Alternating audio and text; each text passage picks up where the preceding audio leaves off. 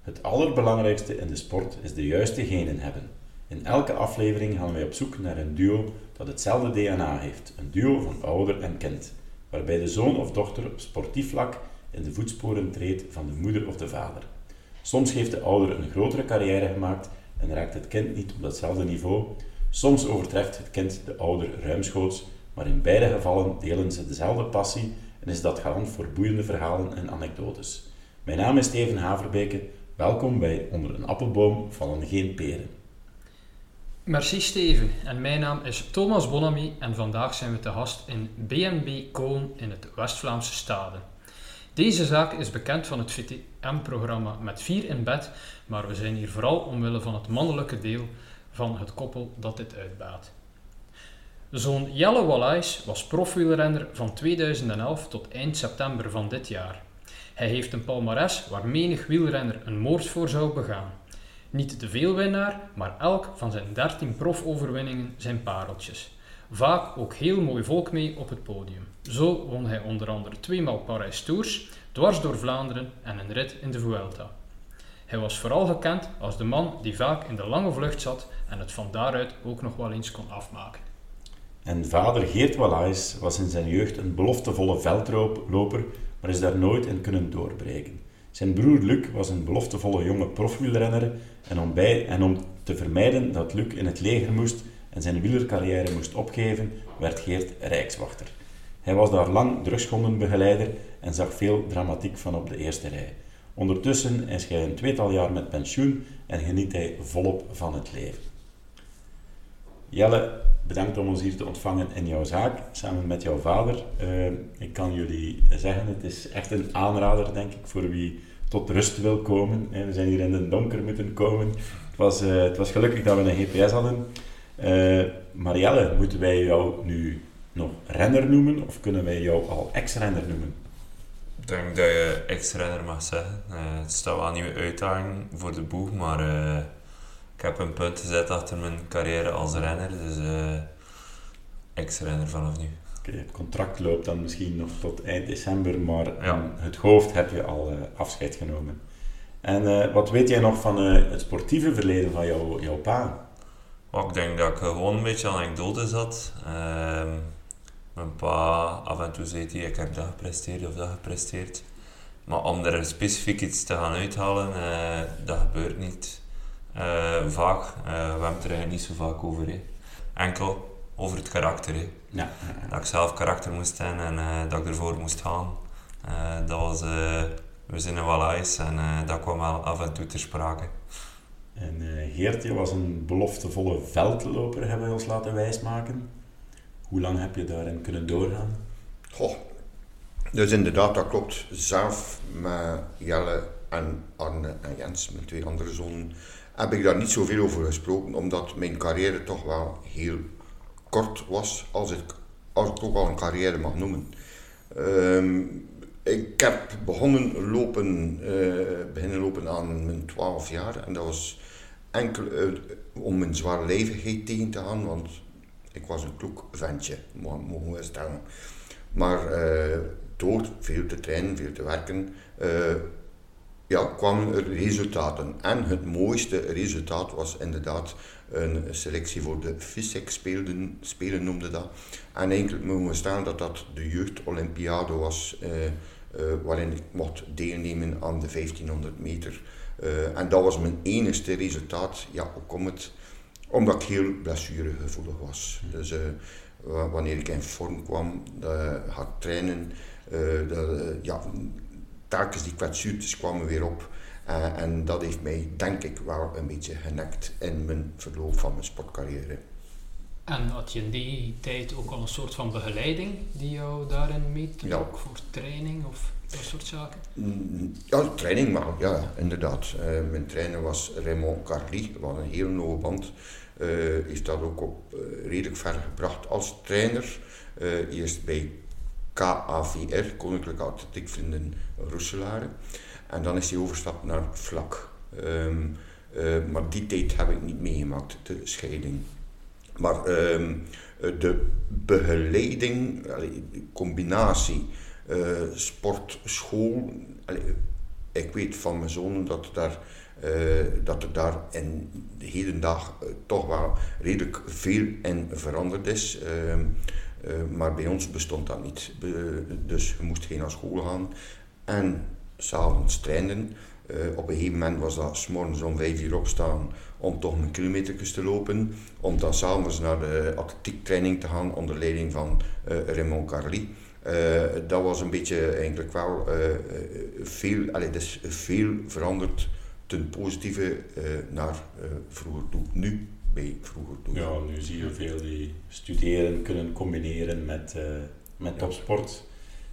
maar eigenlijk hoor ik jou zeggen, mijn lichaam, net toen dat ik in vorm kwam, had ik blessures. Dus eigenlijk is er geen, geen toekomstig kampioen verloren gaan aan jou door de focus op de school te leggen. Nee, nee, nee, zeker niet. Uh, uh, ja, als ze geselecteerd wordt voor de uh, dat, dat brengt toch al iets met zich mee.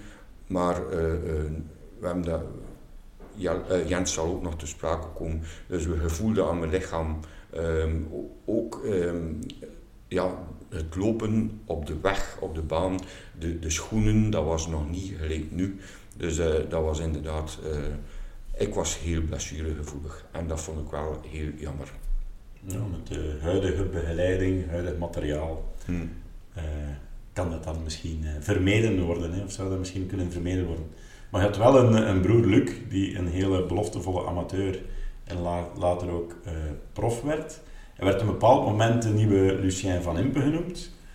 Hij heeft toch een profcarrière gehad, maar er is ook niet echt uitgekomen wat er ja, wat er gedacht werd. Hoe is zijn carrière zo'n beetje verlopen? Ja, dat klopt. Dus, uh, mijn broer uh, studeerde, uh, ik weet eigenlijk wel niet meer wanneer dat hij beginnen koersen is, maar ik denk als nieuwelingsje. Uh, En hij, hij, toen hij naar de hogeschool moest, dus hij studeerde voor kinesist. Dat was ook al de tijd dat je naar school moest en dat een sportcarrière, een topsportcarrière, uh, zich moest aanpassen aan de school, gelijk dat me juist gezegd hebben. Um, en plotseling ging dat helemaal bergop qua zijn sportieve carrière. Met als summum de, ronde van, de, de, de bergtrui te winnen in de Ronde van Aosta. En de Ronde van Aosta... Is ook vandaag nog een topkoers voor Boston? Ja, en, en zelfs, een, ja, ze noemen in onze tijd noemden ze dat, dat was de kleine ronde van Frankrijk. Mm -hmm. Weliswaar in Italië, maar dat was de kleine ronde van Frankrijk, of de ronde van Frankrijk voor beloften. Uh, ja, dus hij won de bergtrui en het jaar erop uh, won, was hij eindwinnaar. ja, 30 jaar later pas heeft Mauri van Zevenand ook de ronde van Oost gewonnen. Dus dat zijn de enigste tot nu toe twee Belgen die de ronde van Oost eigenlijk hebben gewonnen. Um, goed, zelf heb ik dat niet van nabij meegemaakt, maar ook Jens, kom daar nog op terug, heeft ook een keer de Ronde van Oosta mogen rijden uh, bij, zijn, bij de belofteploeg uh, van Wim en Binnen Engels, EFC. Uh, en toen heb ik wel beseft, amai, wat is dat hier, de Ronde van Oosta. dus hij was dat eindwinnaar. en het jaar erop kreeg hij toen, nee, voor het jaar erop kreeg hij een profcontract. Maar de nationale ploeg was zo fier op deze prestatie, op de prestatie van de ploeg. En zeiden ze, we zouden toch graag met de nationale ploeg nog een keer, voordat geprof wordt, naar Chili gaan voor de Ronde van Chili. Dat was de laatste meerdaagse, en zelfs de laatste koersen, dat uh, Luc zou rijden als belofte. Mhm. En daar is het helemaal mislopen. Mm Dus daar heeft hij de ziekte op gedaan, een ziekte op gedaan.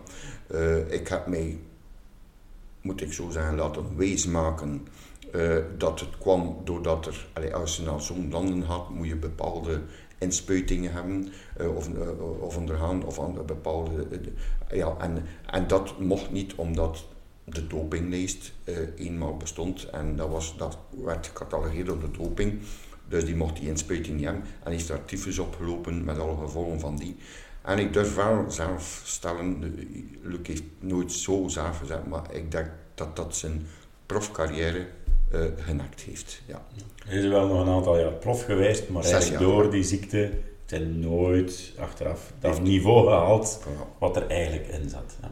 Inderdaad, die nieuwe Lucien van Impe, dat kwam door de, het, het bergklassement dat hij won eh, in de Ronde van Aosta. En het jaar daarop eindwinnaar was in de Ronde van Aosta. Ja. En inderdaad, eh, dat waren serieuze calls wat die, wat die mannen daar moesten oprijden.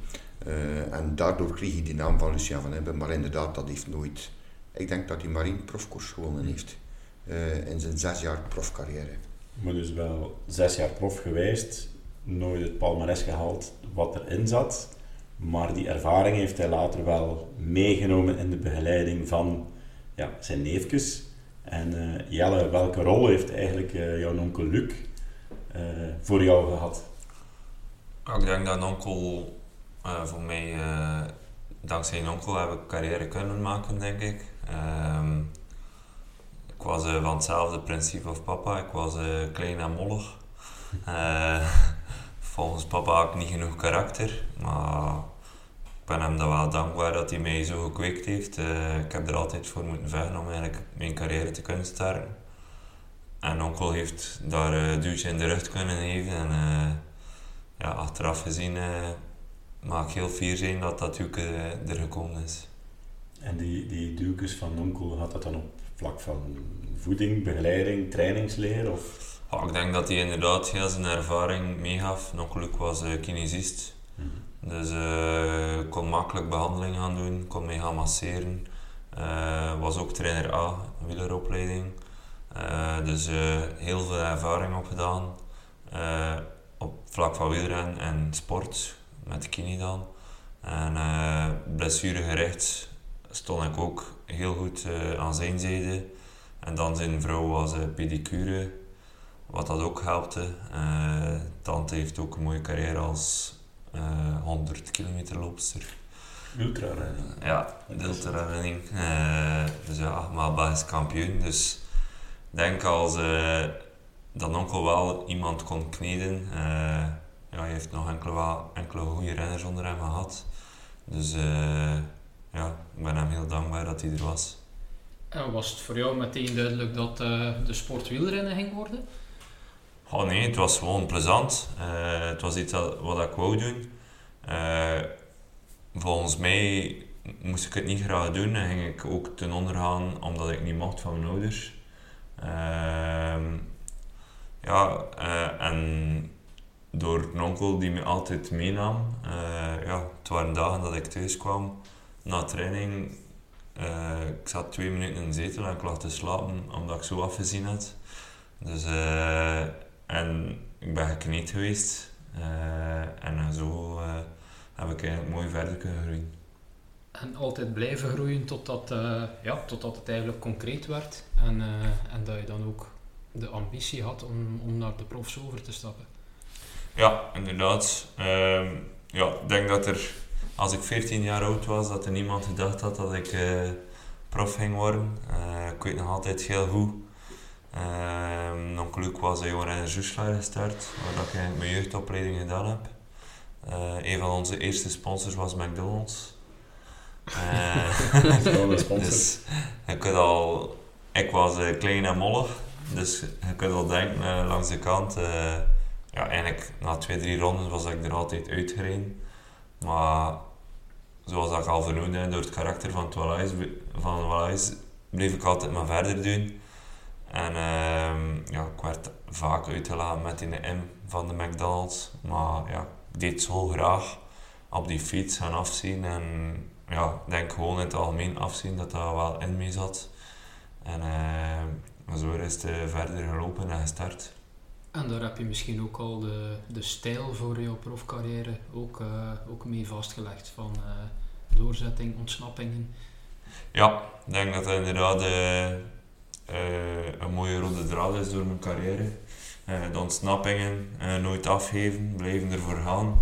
Er blijven in geloven, zolang dat je niet teruggepakt wordt, zolang dat je voorrijdt, al is maar een half.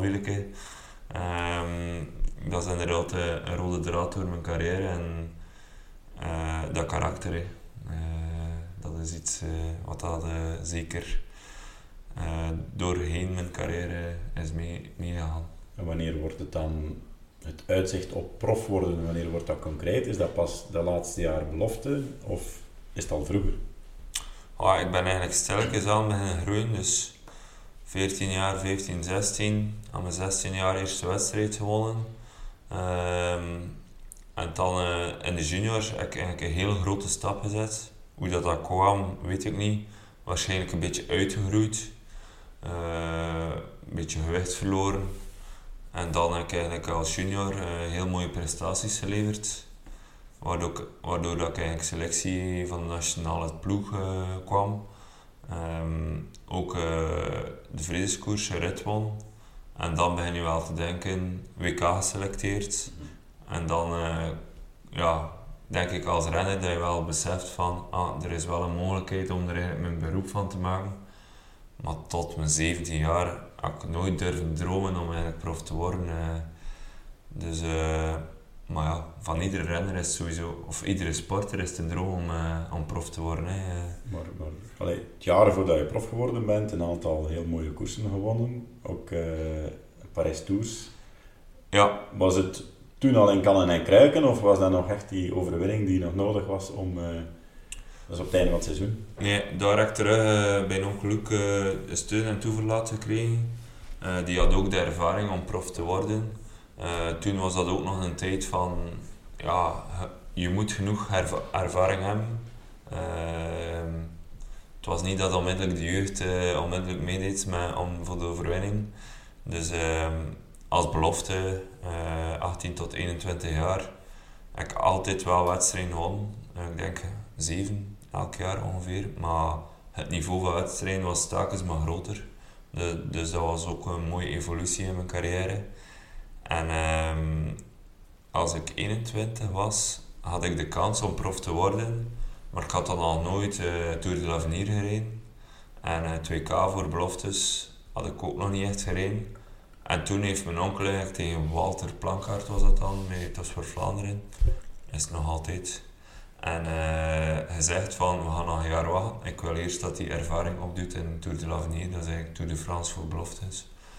En uh, zo geschiedde. Uh, ik heb dan Tour de l'Avenir kunnen rijden, WK meerijden. En het jaar daarna dan stagiair kunnen worden. En zo eigenlijk uh, tot voor Vlaanderen de stap kunnen zetten. Ja, het was eigenlijk al een eindje op voorhand. Niet zeker, maar zo goed als zeker dat je eigenlijk die stap kon zetten. Ja, maar ik denk ook. Uh, ik heb de stap van juniors naar beloftes uh, richting Beven 2000 kunnen zetten. Dat was een topploeg die periode. Uh, er zijn daar heel veel namen van prof geworden. En als je al voor die ploeg mocht trainen, was het al redelijk zeker dat je waarschijnlijk, natuurlijk moet je er nog altijd alles voor doen, uh, maar als je er alles voor deed, dat je waarschijnlijk wel een grote kans maakt om prof te worden, omdat ze ook nu juist de wedstrijden reden. Uh, ze reden wedstrijden in Frankrijk, Tour de Bretagne, Tour Normandie, wat je eigenlijk sterker kon worden. En uh, ja, dat was wel gekend, dat dat uh, eigenlijk een mooie tussenstap was om prof te worden. En hoe combineerde je dat op dat moment met school nog? Ja, ik heb eigenlijk altijd uh, veel gecombineerd. Ik heb uh, eigenlijk altijd sport gedaan tot aan mijn 18 jaar. Tot aan mijn 16 atletiek. Uh, van mijn 16 tot mijn 18 jaar was ik scheidsrechter in de voetbal. En toen was dat ook die overgang van gaat het lukken of gaat het niet lukken. Ehm, en toen werd ik heel veel verweten in de voetbal, zal ik maar zeggen. En dan heb ik een bewuste, bewuste keuze gemaakt. Oh ja, wielrennen is wel plezanter. Ik denk dat het misschien de juiste keuze was. uh. dus ja. Um, en dan heb ik beginnen werken op mijn 18, 19 jaar. Eerst voor Roularta. En dan uh, fietsenmaker in uh, Hits. ik heb eigenlijk blijven werken totdat ik prof werd. Ja. dat was wel... Ja, die mag ik heel dankbaar zijn. Ehm, ze waren heel flexibel. De momenten dat ik wou gaan trainen, kon ik gaan trainen. En maar als ik mijn uren werk in de week had, uh, waren ze tevreden. En meestal was dat maandag, s morgens vroeg tot s avonds laat. En dan al heel wat werkuren erop zitten. En dan konden we tijdens de week wel een woensdag gaan koersen of zo. Dus, uh, de week was al een beetje gemaakt. Ja. maar, maar dat was, allee, mijn broer was topsportcoördinator uh, bij de Belgische Wielerbond. En een van zijn doelstellingen, of een van zijn opdrachten, was zoveel mogelijk medailles halen in de Olympische Spelen, ik weet dat nog goed. En dan is er wel iets uit de grond gestampt geweest, we hebben het er al over gehad. In onze tijd bestond dat niet, dat was studeren, werken en dan trainen. Maar dan is er iets uit de grond gestampt geweest, een soort statuut, maar ik weet niet meer wat dat noemt. Maar dat is Eh, een en- blozo-statuut, dacht ik dat dat En daar, daar kon jij van genieten, dus dat je s'morgens in feite eh, kon trainen eh, en s'namiddags een ander ding. Maar ik weet niet meer wat dat statuut noemt. Hesco. Hesco. maar dat je niet om vijf uur moest opstaan voor, eh allee, om dan half Voilà. kilometers te maken, Ja. maar dat dat eigenlijk een deel uitmaakte van, eh, Ja, van het- het schoolprogramma. En had dan ook al, ja, je verdiende daar je frank al mee. Ja. Dus je had al een basisloon. Hm. Dat was eigenlijk een part-time job. En daarnaast had ik dan al een part-time fietsenmaker. En dan had ik eigenlijk een fulltime job. eh, ja, dat Hesco-statuut Ja, inderdaad. Ik Hesco was dat zelfs al eh, een beetje vergeten. Maar dus nog echt gewerkt voordat er, eh, voordat er, prof, eh, Ja. voordat er een profcontract lag. Ja, ja, zeker. Mhm. Ik ben er nog altijd trots op. Er Ja, zijn veel tuurlijk. mensen die Terecht. zeggen van... eh, Terecht. Wat deed eh, voor de koers? Je deed er al alles voor. Ik zei nee, tot aan mijn profcontract heb ik gewerkt.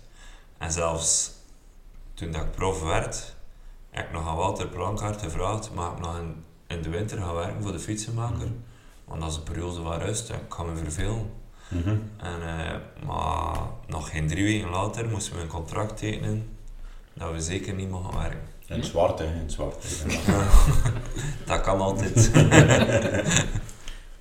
En Geert, eh, ja, jouw, jouw broer was prof geweest, is er in Chili ja, toch wel een beetje misvaren. Het was een beetje een ontgoocheling geweest. Zijn dan eh fier dat jouw zoon dan prof wordt? Of zijn toch een beetje ongerust van, hmm, toch een raar wereldje? Oh, een, ehm, ja, zeker vier. Eh, en zeker als je twee zonen hebt die prof worden. Mhm. Eh, maar ja, toch wel een nuchtere vierheid. Eh inderdaad, eh met hetgeen dat we met Luc meegemaakt hebben. En ik spreek dan ook als papa. Dus eh, ik heb mijn vader eh, gekend. Eh, natuurlijk heb ik mijn vader gekend, maar ik heb hem ook gekend in de moeilijke periode eh, van, van mijn broer. Dat het allee, mijn vader was ook iemand die er alles voor deed, maar ook wel alles eh, voor deed om Luc zijn carrière te kunnen lanceren. Ehm, ehm, en heeft dat nooit echt goed kunnen verteren dat dat mislukte. Eh, je, je had dat er echt wel moeilijk mee. In de zin ook dat hij alcoholverslaafd geweest is. Ehm, en, en- maar dat is allemaal, allemaal weer goed gekomen. Dus ik was ze- zeker vier, maar toch wel een nuchtere vierheid. Dus dat gezegd, voilà, ehm, we moeten daar toch eh, mee omgaan als het mislukt. En wel, oké, eh, die lessen had ik wel gekregen van mijn vader. Eh, het kan, kan allemaal mislukken. Het zit allemaal in een heel klein hoekje. moet maar iets gebeuren en men heeft genoeg ondervonden. En dat is niet alleen, alleen in de wielersport, maar in andere sporten. Van kleine dingetjes kan dat zo afhangen dat het gepasseerd is. Mhm. Eh, en dat, dat, dat eh, ja, nuchtere vierheid. Nuchtere vierheid, dat is een, eh, een mooie term. Mhm. Eh, maar je hebt al even aangehaald, ja, je hebt nog twee zonen en ik herinner mij, ik heb ooit nog een pa- bepaalde periode de, de koers in Sint-Laurens mee georganiseerd, elite zonder contract. En eh, op een van die wedstrijden, wel, ik kom daartoe, nog voordat de inschrijving openhingt, en er stond er een jong manneke. Ik dacht van, hm, is die precies mis? Het is hier toch geen jeugdkoers? En dat bleek de, de broer van de toenmalige prof Jelle Wallace te zijn, Jens. En eh, ja, 70, 80 elite zonder contract, allemaal beren. Eh, en Jens zat daar Hans de koers in het peloton. En wat gebeurt er de laatste ronde? Wie komt daar de, eerste, de laatste bocht uit? 100 meter voor, eh, voor het peloton. Jens Wallace. En die houdt dat tot op de meet.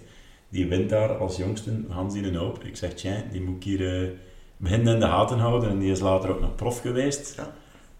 Hoe is ja, zijn sportieve pad geëvolueerd? En ja, zijn, zijn andere broer nog. Ach, is, heeft ook nog gesport. Dus eh, hoe, hoe is het hen vergaan en eh, wat doen zij nu? Wel, Jens ehm, heeft eigenlijk beginnen koersen ehm, door de hele koerste, denk ik toch. Eh, was keeper bij SK Staden. Goed, en ik weet nog heel goed, dat was, een, heb je gezegd, een klein manneke. Ja. Ja, een klein manneke. Maar ook zo, nog een keer dat Wallace karakter, ik weet niet van wat dat, dat komt, ging dit er alles voor. Maar, ehm, ik hoor het de trainer nog zeggen, klein keeperke, mannen, van de tegenpartij natuurlijk, klein keeperke, mannen eh, omhoog schieten, in de lucht schieten. En inderdaad, een paar holes kreeg hij binnen, was keigoed eh tegen de grond, maar een paar holes kreeg hij binnen dat hij niet omhoog kon, alleen niet hoog genoeg kon springen. En er was een medespeler, een ploegmaat, die ruttelde op Jens, die boos was op Jens. Die zei, allee, kom aan. West-Vlaams reutelen. Wat die, die boos was, Ja. die, die, die, hem, allee, die, hem, die, die hem, ik kan niet zeggen verweten, was het woord niet. En dat was zo de knop dat Jens zei, allee, kom aan. En eigenlijk die ploegmaat was een beetje, eh, was iemand die hem, was een talentrijke speler, maar die hem niet, nooit niet inzette tijdens de training, training afgewezen was. Hij zei, Jens, dat deze hier nu gaat ruttelen tegen mij, terwijl ik er alles voor doe, iedere training aanwezig, keepertrainingen volgen, nog naar Oudenaar te gaan om keeperstages te volgen. En hem had hij nu een beetje zeggen dat, dat ik, allee, De voetbalmentaliteit. eh, en, en het, was, het was over. Het was over. Ja. Papa, mag ik beginnen koersen? Ja, goed, ja, onkel Luc was er ook nog. Dus Jens is beginnen koersen. Ja, ook niet echt het toptalent bij de jeugd. Maar daarna ook beginnen groeien en groeien en groeien. En het mooiste was natuurlijk eh, de Belgische titel bij de belofte. Dat was eh, een, allee, dat is iets dat, dat je toch zelf allee, als ouder, als papa, nooit, allee, nooit vergeet. Ook de manier waarop, hoe dat, dat gebeurd is, hoe dat die, die overwinning behaald heeft. Dat, was tegen eh, hem als eerste, enigste EFC'er, die dan een satellietploeg was van Quickstep. En er waren twee lottemannen, waaronder Frison, Frederik en oh, Kraaks. Kraaks, die, die mee was. En er was nog iemand mee, maar die is, was er afgeschoten. En die klopt die twee daar wel. Die twee, die, zijn conculega's klopt die wel in de sprint zeker. Dus dat was wel de max. Dus, ehm, maar, terug, denk ik, een beetje hetzelfde gelijk ik. Eens de stap naar de profs, ja, een beloftewedstrijd 150 kilometer, profwedstrijd 230 kilometer. En Jens heeft rap beseft dat die, dat die trainingsarbeid, dat hij dat niet aankon. Die laatste stap kon hij Ja, dan de- niet dus eh, eh, inzet genoeg, eh, en karakter genoeg en trainingswil genoeg, maar bijvoorbeeld ook de zona krijgen. En wanneer krijgt hij de zona? Als het te vermoeid wordt. En Jens heeft dat rapper beseft op zijn vader, eh, eh, want Jens besefte dat het niet zou lukken om naast allee, Topsport Vlaanderen is altijd de ploeg waarin dat je, dus die de coureurs de Ja. stap laat zetten naar de World Tour ploeg. Maar Jens heeft rapper beseft aan zijn vader dan ik dus eh, dat dat niet ging lukken. Eh, ging stoppen met koersen.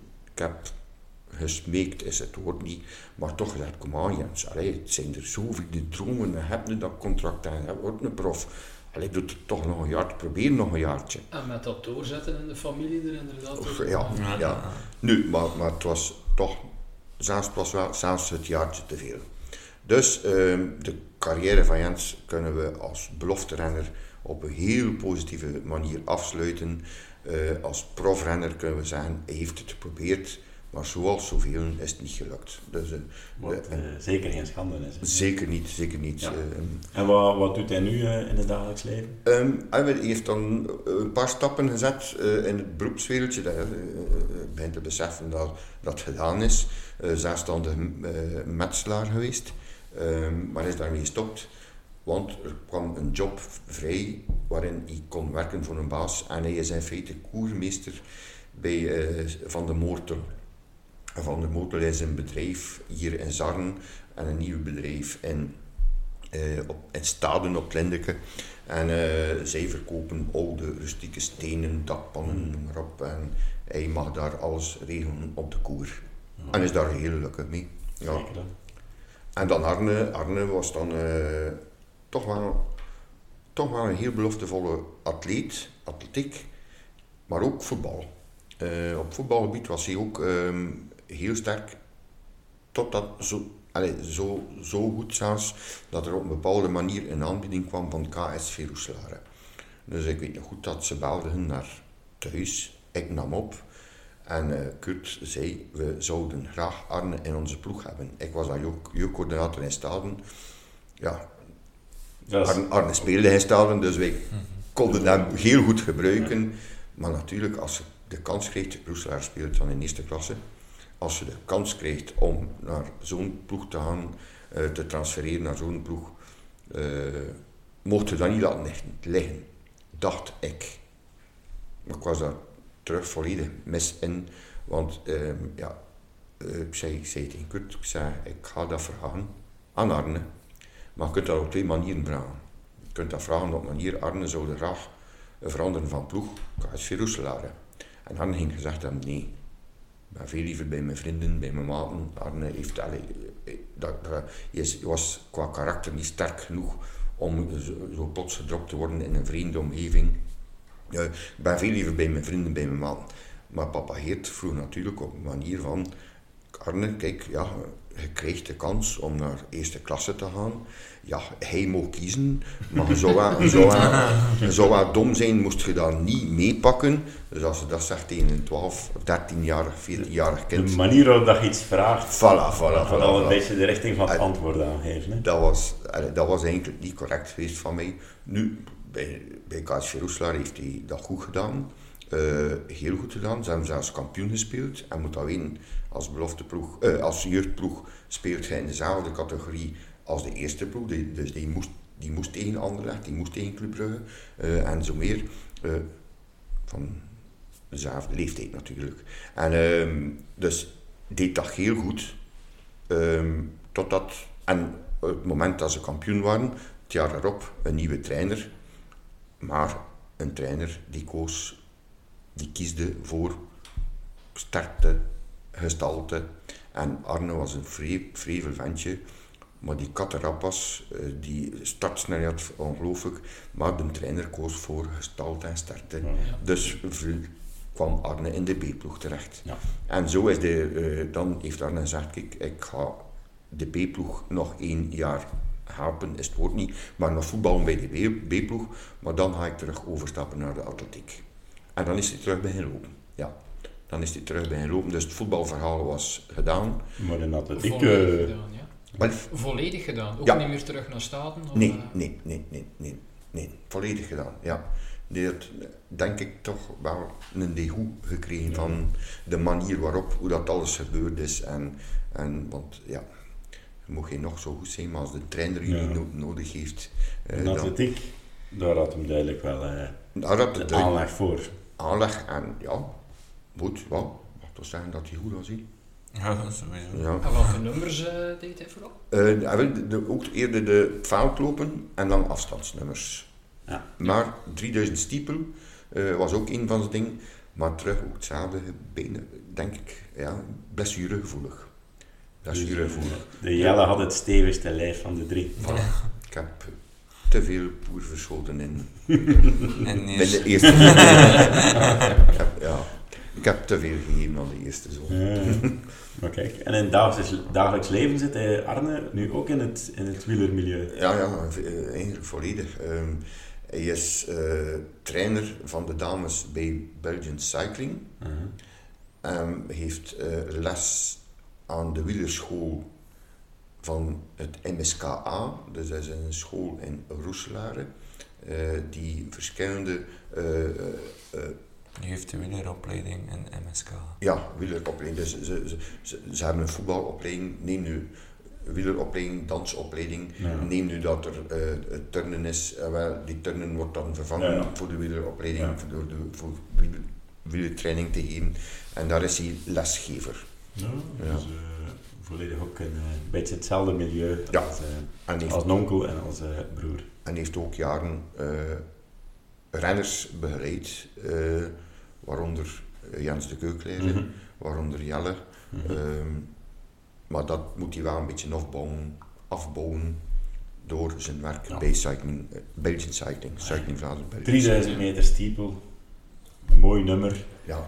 Dat zou, en ik denk dat je daar nog... Als Belg snel eh, bij de top kunt zijn, want niet Mhm. veel mensen doen dat. Hè.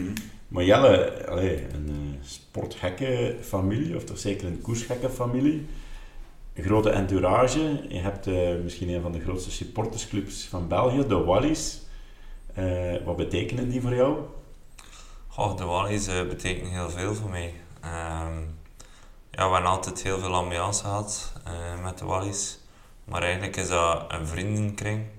Dus jonge renner Joeselaar is gestart met een renner of acht.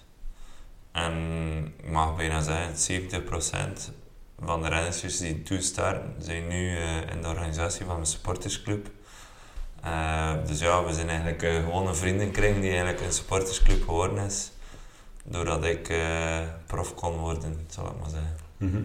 En wat, wat organiseerden die dan allemaal? Oh, ze, ze hebben heel veel verschillende organisaties gedaan.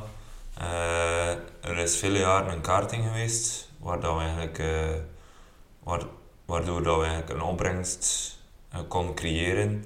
eh, voor mijn stage te gaan betalen, Mhm. voor mijn fiets te gaan betalen. Dat was er in november ook altijd eh, een cultuuravond, Mhm. waar, dat, waar dat er enkele komieken zijn komen optreden. Waaronder Karel Leclerc, papa van Tim Tim en Leclerc. Benjamin. Leclerc. Ja. Ja, Huffleff is ook geweest. Ja, ja. Maar nog altijd fundraising om jou op een of andere manier financieel te steunen. Inderdaad. En dan daarnaast ook de bussen organiseren, Ja. Vlaams kampioenschap. Eh, ja, hier in Holy de Hits was... eh, En die stonden Heel allemaal heel stil, rustig te kijken naar de koers langs de kant. ja, dat niet, denk ik. Eh, maar sowieso was er ook altijd spandoek. Eigenlijk heeft mijn onkel mij een bijnaam gegeven, dat was Speedy Wally. En dat is daarom dat ik ook nog altijd mezelf Speedy Wally noem. Ehm, en eh, het spandoek was Speedy Wally, dus eh, dat werd vaak wel gezien hè, door de mensen. En, eh, Ja. dat was Ze wel... waren aanwezig op de koers, zowel visueel als eh, vocaal. eh, Ja, zeker en vast. Maar dat is belangrijk voor een supportersclub ook. Fundraising natuurlijk, voor ons is dat heel interessant. hè. Fietsen, allee, als je een cyclocross rijdt met één fiets, zei je niet. Je hebt er twee Mhm. nodig, dus dat kostte voor ons heel veel geld. Maar vooral ook eh, denk, het samenbrengen van supporters. Ja. En, en, en dat was ook een grote doelstelling van de Wallis, de supportersclub, Ja. om de supporters samen te brengen. En we hebben zelf, ze hebben zelfs een, missie en, een visie en missie opgesteld. Grote woorden, maar, maar dat, allee, dat was wel met respect voor de organisatoren, respect voor de, de tegenstanders, res- respect voor de supporters van de tegenstanders.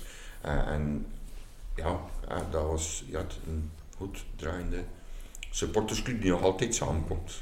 Nog altijd. Maar Jelle is misschien ook wel een, een dankbare ja, renner om voor te supporten op een bepaalde manier. Want je bent geen, geen klimmer, je bent geen topsprinter.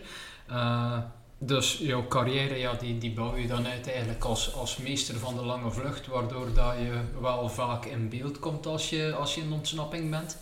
Eh, wat misschien ook dankbaar is voor, eh, voor de Wallis zelf die, die langs, langs het parcours staan, eh, dat, die, dat die weten dat je eraan komt. Maar op, op welk moment dat jij door dat, dat, die, dat die ontsnapping, dat dat, dat, dat eigenlijk jouw, jouw handelsmerk ging worden doorheen jouw carrière? Maar eigenlijk eh, was dat vroeger al het geval als belofte. Ehm, ik ga zeggen hoe dat, dat gekomen is. Dus ik was altijd iemand die op kop zat te sleuren in het peloton en, en demareren en ja, koers maken en zo lastig mogelijk. Maar dat resulteerde soms in slechte, heel slechte resultaten. Ja. Allee, je toont dat je supergoed zit, maar het resultaat is er niet. En dan is er een periode geweest dat een onkel zei, maar koest keer meer met die kop. Doe keer een beetje in en meeschuiven en op de goede momenten meespringen. En als ik dat probeerde, dat marcheerde niet. Allee, ik kreeg ook geen resultaat. En dan, een onkel zei plots, maar laat je maar weer gaan, het gaat zeker beter gaan. En als hij dat zei, eh, bij de belofte won ik terug wedstrijden. En dat elan is eigenlijk blijven doorgaan. eh, als ik moest in de buik van het peloton rijden, ja, ik voelde dat ik miste iets. En, ja, ik kon en dan- mijn energie kwijt, denk ik. eh. en anders in teloor ja. eten, dat zat er niet in. eh. Nee, nee, Nee. nee. En wat is, wat is het geheim? Allee, nu ga je stoppen, nu mag je je geheimen blootgeven. Wat is het geheim van in de juiste vlucht zitten? Want dat is... Karakter. Ja. Om erin te zitten, karakter. Ja, gaan. hè. proberen. Eh, op bepaalde momenten voel je ook van, ze gaan hem niet laten rijden, maar ja, op, als je blijft attackeren, op een bepaald moment laten ze je rijden, want ja, je probeert nu terug. Allee, gaat hij nu nog een keer proberen? Eh, Allee, dat is eh, straatjes aan de einde natuurlijk, hè, maar eh, En dan wat En ook- blikschotten, als het zere doet, dan Ja, een keer nog demareren en dan de rest, met de rest zit ook, zit ook kapot. Eh, ja, ik denk dat dat een beetje mijn motto ook was. Eh, als ik iets wou, dan ging ik er volledig voor. En ik heb dat ook altijd bewezen. Ehm, en als een keer dat je in de ontsnapping zit, moet je gewoon alles geven tot aan de finish of totdat je teruggepakt wordt natuurlijk. En dan, eh, Niet altijd. hè. Maar was, het, was, het, was het altijd de bedoeling om met die vlucht voor de overwinning te gaan? Oké, lukt het, dan lukt het. Lukt het niet, dan lukt het niet. Of was het ook van, "Ha, we gaan dat doen, publiciteit pakken, op kop rijden, misschien een keer ergens een sprintje pakken, maar de overwinning zit, allez, daar denken we niet aan. als ik in de ontsnapping zat, was het altijd, ja, voor mij de bedoeling, zolang dat ik geen trui had of zo, geen tussensprinten trui of zo, Mhm. was het altijd de bedoeling van een rit te winnen of een, een wedstrijd te winnen. Het was altijd Voor met, de winst. Met dat motto Ja. koerste ik altijd. Eh, zelfs de laatste jaren nog in de klassiekers, als ik in de ontsnapping zat, eerst alles geven om in die ontsnapping te zijn en dan, ja, dan moest ik wel ook het hoofd gaan gebruiken om hoe kan ik hier best eh, voor die overwinning gaan. En eh, ja, dat was altijd het motto inderdaad. Ja, want dan komt er toch inderdaad ook tactiek bij kijken. En je zegt, ja, altijd alles geven. Maar ja, als je het meest geeft in een vlucht en die andere spaart en wat, ga je niet langs overblijven. Dus ja, het is altijd zo'n beetje tussenin. Ja, ik begrijp wat dat je bedoelt, maar dat, zoals ik begon met mijn verhaal, dat was meestal het probleem. Als ik me te veel ging gaan sparen, Ja, mijn been, ja, dat ging precies niet. Ik moest echt altijd Mhm.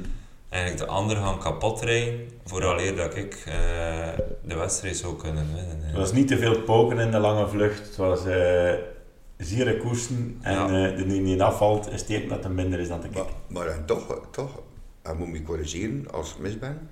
De overwinning in de Vuelta had, hij, hij, hij van tevoren goed bestudeerd hoe dat de rit in elkaar zat. Hij was met vier weg. Hij wist dat de laatste 40 kilometer eh, een beetje dallend en wind mee waren. En het was jij die gezegd had tegen de, de, de andere ontsnappers die, die mee waren.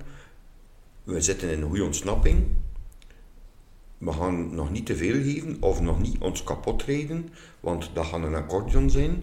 Een keer twee minuutjes, eh, na, na drie minuten zal dat weer een beetje vlugger beginnen rijden, eh, totdat het weer op twee minuten komt. En, de laatste 40 kilometer hebben ze gezegd, nu is het moment. En echt, je kunt dat zien in de tv. Ik was aan het kijken en ziet dat die twee, drie minuten, twee, drie minuten. En plotseling de laatste 40 kilometer begint dan na drie, vier, en tegen dat hun- frank euro gevallen was, was het in feite te laat. Eh, Ja. En zo hij nog, eh, eh, is die overwinning eigenlijk gekomen in, Ja, dat in de. Vuelta. Dus klopt. alles geven is niet Ja, altijd... is, het is, er eh, komt meer bij kijken eh, dan dat. Ja, sowieso. En als je dat vertelde, ik vond dat de max, eh, eh, hoe dat die overwinning tot stand gekomen is. eh, Ja. ja. Maar dat begon al met tactisch.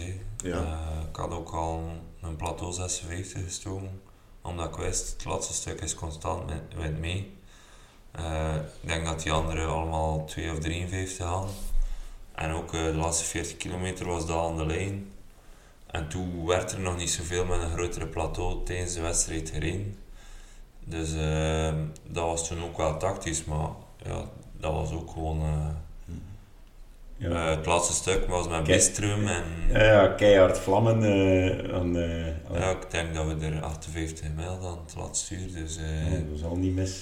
En het probleem, allee, het probleem voor het peloton was, je moet, als je 58 mijl rijdt, om 1 minuut toe Ja, te rijden, moet je al 60, 61 rijden. Ja, dat is echt niet simpel. Het mooie aan die overwinning is, als je de uitslag beziet, staat de Sagan de wereldkampioenentrui.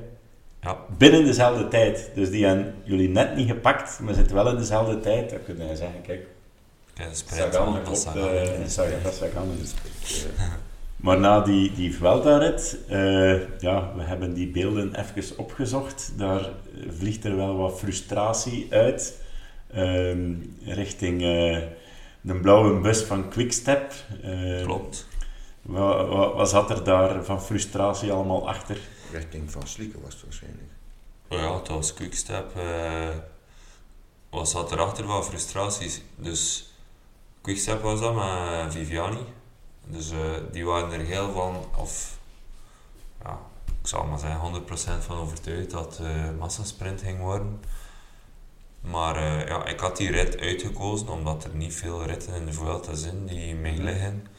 En eh, om in de ontsnapping te zitten. Maar hadden inderdaad al serieus gekoest om in de ontsnapping te geraken. Omdat ze ook wel deels wisten, voilà is... Ik had ook wel een beetje mijn naam. Ehm, en na 40 kilometer, eh, of 50 zoiets, was het een klimmetje waar daar Rick van Slijken boven stond. En die riep gewoon aan mij, ah, wel Wally, dan mag je toerijden, dat. In het West-Vlaams. Eh wat hij zei, allee, wat wil je nu proberen? We gaan toch, eh, het is toch massasprint straks. En ik dacht in mijn eigen, maar wa- waarom roept hij dat aan mij? En eh, dat is eigenlijk heel de wedstrijd in mijn hoofd gespeeld van, allee, waarom roept hij hem dat nu? En dan heb ik echt, eh, ja, gewoon alles gegeven. En je wint dan nog die wedstrijd. En Viviani is derde, dacht ik. Er staat ook mee op de foto. Ja. De finishfoto. En met dat in mijn achterhoofd, wat dat hij zei tegen mij, en ik win niet veel wedstrijden, en het lukt mij in de grote ronde, in de Vuelta, ja, dat wa- kwam alles los en ja, ik daar eigenlijk, ja, ik moest dat niet gedaan en dat is waar. Maar eh, Oh, oh, Als je een Het was- koers het wint, was mogen veel achteraf gezien is het wel een keer plezant geweest. Maar, eh, Maar op het moment zelf heb ik toch wel eh, ja, even verscholen. Het heeft, misschien, Achteraf van wat hij Ja, ja, het heeft misschien wel dat extra procentje eh, extra dat motivatie gegeven om uh, Ah ja, dat sowieso. onderweg speelt van eh, Sowieso. Maar mij pakken ze niet. Ik denk in Madrid dat ik dan ook eh, Rick bedankt heb van, dat hij dan geroepen heeft. Maar dat komt niet in beeld. ja, dat komt natuurlijk niet in beeld, maar eh, de dag zelf was dat wel een beetje, ja, voor mij Patrick Lefevre, ook van de streek, Ah, eh, bij de jeugd, bij, eh, bij zijn opleidingsploeg gereden. Ja, eh, een van de grootste figuren in het wielrennen. Ja, voor mij in mijn ogen een van de beste, mana- of de beste managers zelfs in het wielrennen. Ehm, dat was echt, en ik kreeg ook een bericht van hem, waarom doe je dat? Ja, Ja, ja. dan een uitleg aan gedaan, maar ja, Als je een koers wint en er is zoiets gebeurd, maar het is niet de eerste keer dat we hier in de podcast mensen horen van eh ja, uw tegenstander een beetje opjutten voor de wedstrijd is dat is... nooit een goed idee. Nee, Nee. dat klopt, dat klopt. En misschien nog even over, over die ontsnappingen, want dat vraag ik me dan af. eh, de keer dat je het beseft van ik begin daar goed in te worden, heb je dan iets van, ik ga op voorhand ook afspraken gaan maken met, met, met andere renners, maar je weet, allee, dat zijn misschien gasten die ook willen meespringen eh, in, in, een, in een overgangsetappe gelijk vandaag. Dat gebeurt, dat gebeurt zeker en vast, maar dat is niet simpel. Ehm, als je samen gaat demareren, dat valt ook op. Eh, ja, je voelt dat aan als ploeg van die twee willen samen weg. Dan ga je ook eh, minder snel die man samen gaan laten rijden. Maar wat dat er wel veel gebeurde, is een keer dat de ontsnapping er was. Ja, ja en in de Vuelta had ik ook, eh, dat was Jetse Bol en Bistro, had ik ze ook nodig om, om tot aan de finish te komen. Dus dan moet je echt wel gaan samenwerken ten opzichte van het peloton. De ploegen gaan daar ook wel gaan samenwerken, maar eh je hebt elkaar allemaal nodig om eigenlijk zo'n best mogelijk resultaat samen te bereiken eigenlijk. Als je dan te veel gaat linkerballen, dan komt er toch niks van. Hè. Nee, als, Ja. als er één uh, ambetantrek in zit, is het al uh, Ja. foutu. Maar eh, ja, inderdaad, dat niet zomaar hard fietsen is, maar dat op voorhand ook al nadenken is en, en weten wat dat je gaat doen en waar dat je iets kunt doen. We hebben ook wel een keer gebeld met een, eh, ex-sportdirecteur van jou, die ook in Sint-Laurens wordt, hè, Frederik Willems, om zeker Ah, ja, geen namen te noemen, Ja, dat jouw tweede overwinning van eh Parijs Tours, dat je ook al de dag ervoor echt verkend had en gekeken hoe dat zat. Dus allee, daar ben je solo over de meet gekomen, dacht Ja. ik. klopt. Maar dat is eigenlijk... eh, als ik kon toewerken naar een doel, meestal stond ik er ook. Mhm. Ehm, dat was niet altijd met een overwinning, maar in die Vuelta dat ik die rit win, had ik ook twee ritten uitgepikt. Ik denk dat ik ook twee keer in de ontsnapping zat. Eh Paris Tours was een, sinds het begin van mijn profcarrière een koers waar ik door de beloftes eigenlijk eh, altijd naar uitkeek. Eh, Ehm, en je merkte dat ook. eh, verkenning is zo belangrijk. alle details beginnen te tellen. En Mhm. je ziet dat ook nu in de evolutie van het wielrennen. Alle kleine details eh, Mhm. kunnen, ja, ik zou maar zeggen, wonderen doen. Eh, dus ja. En zegt in de, in de ontsnapping samen tot een zo goed mogelijk resultaat komen, maar op een bepaald moment moet je dan ook durven pokeren. En ik daag iedereen uit om een keer de beelden van eh Parijs Tours, en ik ben kwijt of dat 14 of 15 was, eh, waar dat je de grote Thomas Veuclair klopt, waar dat je hem de laatste twee kilometer of zo de kop opdringt Ja, ja, en zegt, fuck off, jij doet de kop met peloton in de nek. ja. Eh, die was precies niet content achter de meet dat je hem geklopt hebt. Hoe, Nee. hoe, hoe gaat er dat aan toe? eh? Ja, dat, is, dat was ook... eh, in die koers heb ik leren pokeren van, van de kampioen, ontsnappingskampioen, die, die periode, Veuclair.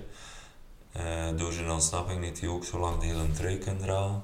En daar heb ik heel veel geleerd. En in de finale... Tijdens die ontsnapping, zegt hij. Ja, ik tijdens die ontsnapping heb ik veel geleerd. Maar in de finale kom je man tegen man. En dan had ik niets te verliezen. Hè. Fransman, ik als Belg, dus het was in Frankrijk. Eh, het was een van zijn laatste koersen dat hij ging doen waarschijnlijk. Eh, dus hij wou winnen. Dus eh tijdens de mogelijkheid dat ik kon zeggen, kijk, of ja, dat ik ook gezegd heb, ik krijg mee tot aan de finish, zoveel of dat kan. En ja, ik dacht echt dat hij mee ging losrijden op de klimmetjes ook, Mhm. maar dat gebeurde niet. En dan, Heeft hij nog een aanbieding gedaan? eh? nee, is zelfs, no- ik denk zelfs dat hij zo zeker was dat hij ging winnen. Eh, Eh, ik was ook nog niet zo gekend. ja. Ehm, en dat hij dat verliest in de sprint, eh, had hem heel veel pijn gedaan inderdaad, maar we hebben het er ook nog over gehad. Nu, Met mijn Veuclair. Ja, met Ja. Verclair. Dus eh, ja, dat hij ook zegt, ja, ik had je totaal onderschat. Ja, ja. Maar dat is ook eh, een fout van, zal ik maar zeggen, ploegleiders en zo. de auto moet je ook geïnfor- geïnformeerd worden van wie is er mee. ja. Je heeft vorig jaar Parijs Tours of twee jaar geleden Parijs Tours belofte Ja, gewonnen. klopt. Dus eh Want, eh, ik heb zocht achter eh, foto's op podium, nee, dat was er niet. maar dat was er niet. Maar dat was er niet. Was dat bewust, denk of was het per ongeluk? Want dat was niet Oh. duidelijk. Het probleem was dat de tv-opnames, ik weet het verhaal, de tv-opnames moesten dan afgesloten worden.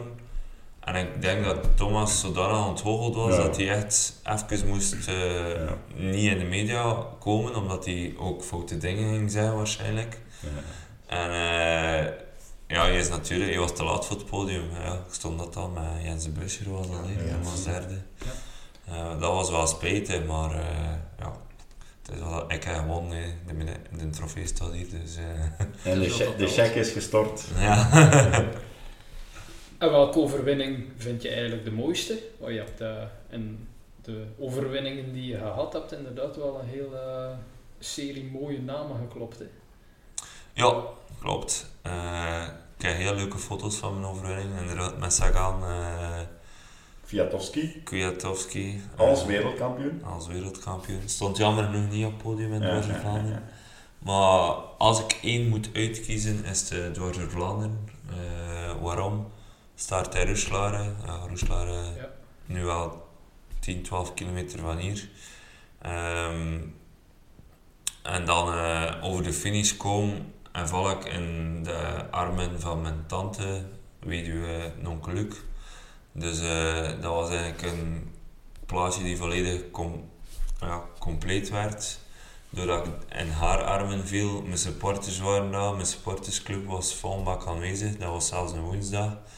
Eh, ja, dat was gewoon man, ja, ik kreeg er nou ook veel van als je daaraan terug denkt. Mm. Dat je extreme weersomstandigheden, ook heel veel gevloekt van tijdens de koers van oh, wat doe je hier nu? Maar als je dan als eerste over de streep rijdt, vergeet je alles. Hè. Ja, dus... Luc was dan een jaar overleden, denk ik. Ja, inderdaad, zoiets. Mhm.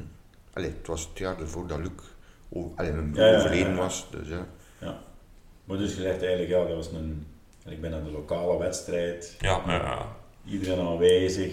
ehm, Maar ja, ook die mensen doen altijd superveel voor Ja. jou. Eh, ja, al die organisaties die ze gedaan hebben, en ze zijn er dan bij. Bijvoorbeeld in de Vuelta rij je over de streep en val je in de armen van je verzorger. mhm. Die verzorger doet heel veel voor u. Maar dat is niet hetzelfde. Maar dat is niet Ja, van, Maar de van bij staat el- al en dat van- is het dan ook. vanaf je 14 jaar. Allee, uw maten zijn je supportersclub. Mhm. Allee, en nu komen we nog altijd samen. Dat zijn echt vrienden van het leven. Een verzorger is... Hij doet zijn werk. En, eh, Volgend jaar is het een ander. Voilà. Ja, dat, dat, is, dat is ook zoiets. Allee, inderdaad, iedereen spreekt van 13 overwinning, maar het zijn er in feite 14. Want in West-Rozebeke, een deelgemeente van Staden, heeft Jelle ook gewonnen. Criterium. Nee, nee, nee. Ah, nee, toch, een- dat. Ah. toch een profkoers. Ehm, Maar dat is dan geen UC-koers wellicht. Nee, hè, een kermiskoers.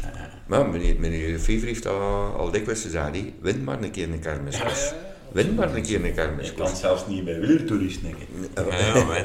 En, en dat is ook zo, dat is, voor mij was dat ook, eh, allee, eh, een wedstrijd, dat je zoon wint daar, al die supporters, al die, eh, dat, was, dat was de max. Ja. Mhm. En- dat is en- heel anders, ja. Maar ja, we zeggen dan in de inleiding geen veelwinnaar, maar 13, 14. 14, hè, afhankelijk van hoe dat je telt. Profkoersen, ja, bekijk het maar een keer, hè, Mhm. wie, wie dat er zoveel profkoersen wint. Ja, het is Maar wel- dan, en we hebben het al gezegd, ja, allee, veel schoon volk mee op de foto.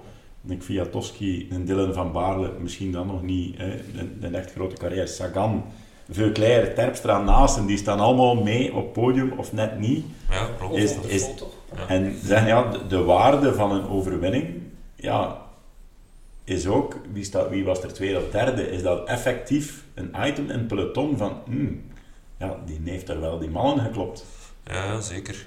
En ook, eh, van mij was het win, of... Whatever, tweede tel. Of Ja. gepakt worden. Ja, inderdaad. Eh winnen of gepakt worden. eh, als ik in mee had en ik voelde dat we misschien nog konden winnen, ging ik wel de kop nemen om er alles aan te doen om te winnen. Omdat ik na de finish het gevoel hebben van, ah ja, ik heb alles gegeven. Het is niet door mij dat we niet winnen. Of, Mhm. dus eh, ja, in mijn carrière heb ik altijd er heel veel voor gedaan en alles gegeven. En dat geeft mij ook wel een goed gevoel eh, met dat ik nu stoppen zeg. En, eh, Mhm. dus ja. En dat- is er zo geen ene wedstrijd waarvan dat je zegt van, verdomme, daar heb ik nu spijt van, van daar heb ik misschien wat te veel gegeven, of eh, zat er een in mijn wiel die ik ook een keer onderschat heb en die, eh, die met de overwinning gaan, gaan lopen is. Ene wedstrijd dat, waar ik spijt van heb, is Roubaix eigenlijk. Ja. Omdat ik denk dat ik wel op het podium kon staan daar. Waar dat Sagan wint. Ja, eh, en Delia tweede. ja.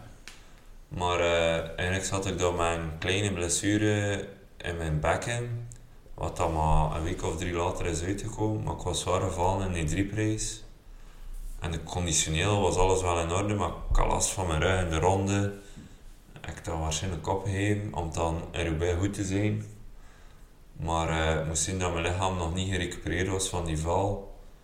En eh, ja, daar heb ik wel heel veel spijt van. Want voor hetzelfde geld, als ik daar op het podium sta, eh, maakt mijn carrière ook een andere wending. Maar ja, dat is praat achteraf natuurlijk. Maar Ja. Ah, Daarbij was eh Sagan is er naartoe gereden. Was jij nog een van de laatste van de vroege vlucht. eh. ik en die waren nog van de ja, vroege ja, vlucht. ja, ja, ja. Maar Roubaix is sowieso een heel speciale wedstrijd. Het was dan ook één jaar dat Matthew Heyman won. Ja, Het is uh, gekoerst geweest, zelfs over de eerste kassei-stroom, waren we met een man of 14 weg, maar Quickstep was niet mee. En constant achter ons zitten rijden met Tony Maarten. En dat was nog een pelotonnetje van een man of 40. En juist voor het Bas van Valers geven ze het op. En uh, het was één minuut. En die dag, uh, dus één minuut, nog geen auto's tussen. En ik val plat, juist voor het bos van Valers. En Matthew Heyman, dus... Dat zat erbij. Voor de koers had ik gezegd, Matthew Heyman, dat is de man dat ik ga volgen vandaag. En die man... En dan kom je over de streep en hoor je dat hij gewonnen heeft. Ah, kwam, uh, kwam toen volledig gek. Maar ja, dat is Ja. natuurlijk... eh, het hoort erbij. hè. Ja, maar het is, komt Maar, dus eh, een paar keer hè, toch een pak overwinningen heel mooi. Ja, Maar ja, er zijn er dan ook veel waar dat dan net niet... eh, Ja, dat zijn dan de is, dingen... eh, ja. dat is topsportcarrière. Het is Mm. meer net niet dan... eh, Mm. Jawel. En wat vindt de papa de mooiste? Ik heb jou vol passie horen vertellen over het BK bij beloften van Jens. Dat is voor Jens dan, natuurlijk. Ja. Oh, de mooiste... Hij moet niet kiezen tussen de zonen. Nee, nee, nee, dat nee. hoeft niet. Nee, maar de mooiste... eh, allee, ja, eh, goh, ik was niet aanwezig, maar de manier waarop ik, het beleefd heb, was, was die, die rit in de Vuelta. Dus en ik moest werken, want er was iemand ziek gevallen. Nu, eh, en ik had aanheften, dus aan, als Rijkswachter eh, moet je soms een keer een klacht op, opnemen. En, eh, en er, was, dus ik, ik had iemand op mijn bureau die, die, waarvan ik de klacht acteerde. Maar ik, was, ik wist al dat die in de vroege ontsnapping zat. En nu en dan achter het vensterke eens de collega's de duim omhoog. Ik zei ja. En het was ja, het laatste kwartier. eh, toen ik eh, de klager, eh, dat, ja, het laatste kwartier, het laatste van de wedstrijd, de laatste 20 kilometer mag zeggen. Ik zei, spijt me meneer, maar... zou dat, zo, nee, nee, nee, nee, nee. Ik zei, zou dat goed zijn dat wij samen eerst een keer naar de koers kijken? Ik kon dan natuurlijk op internet kijken. En maar meneer, ik heb ik daar geen probleem mee. en we hebben mij samen naar de koers gekeken. En het heeft dan iemand anders wel het, de rest van het verhoor moeten doen. Want ja, dat ging niet meer als je zo'n gewonnen had. Dat je zegt, ja. Maar dat was, dat was zo een beleving dat je zegt, ja. ja. En de man, ook dan achteraf, zoals, zoals we verteld hebben, de manier waarop dat, dat gebeurd is, echt wel voorbedachte raden noemen wij dat in, in ons vakjargon, alles bestudeerd, die, die, eh, die een plateau, die, die, die, die 40, de laatste 4 kilometer beraf, uh, lichtjes beraf, uh, wint mee, dus ja, dat, dat, eh, dat is wel de maxi. Ja, ja, ja. Briek Schotten zegt, je moet als je zieren moet. Ja. En traag als je traag moet, maar, maar er komt veel meer bij kijken dan alleen maar uh. Hè. En uh, op een bepaald moment ja, zitten Jens en Jelle in dezelfde ploeg, denk ik, bij Topsport Vlaanderen, waar dat Jelle dan ja, echt wel het goed doet. Jens dan minder. Hoe, hoe gaat dan een papa en een mama, hoe gaan die daarmee om? Moeten die dan ja, wat meer aandacht hebben voor, uh, voor Jens? Oeh. Nee, of heeft u dat nee, denk het niet. vrij goed doorstaan?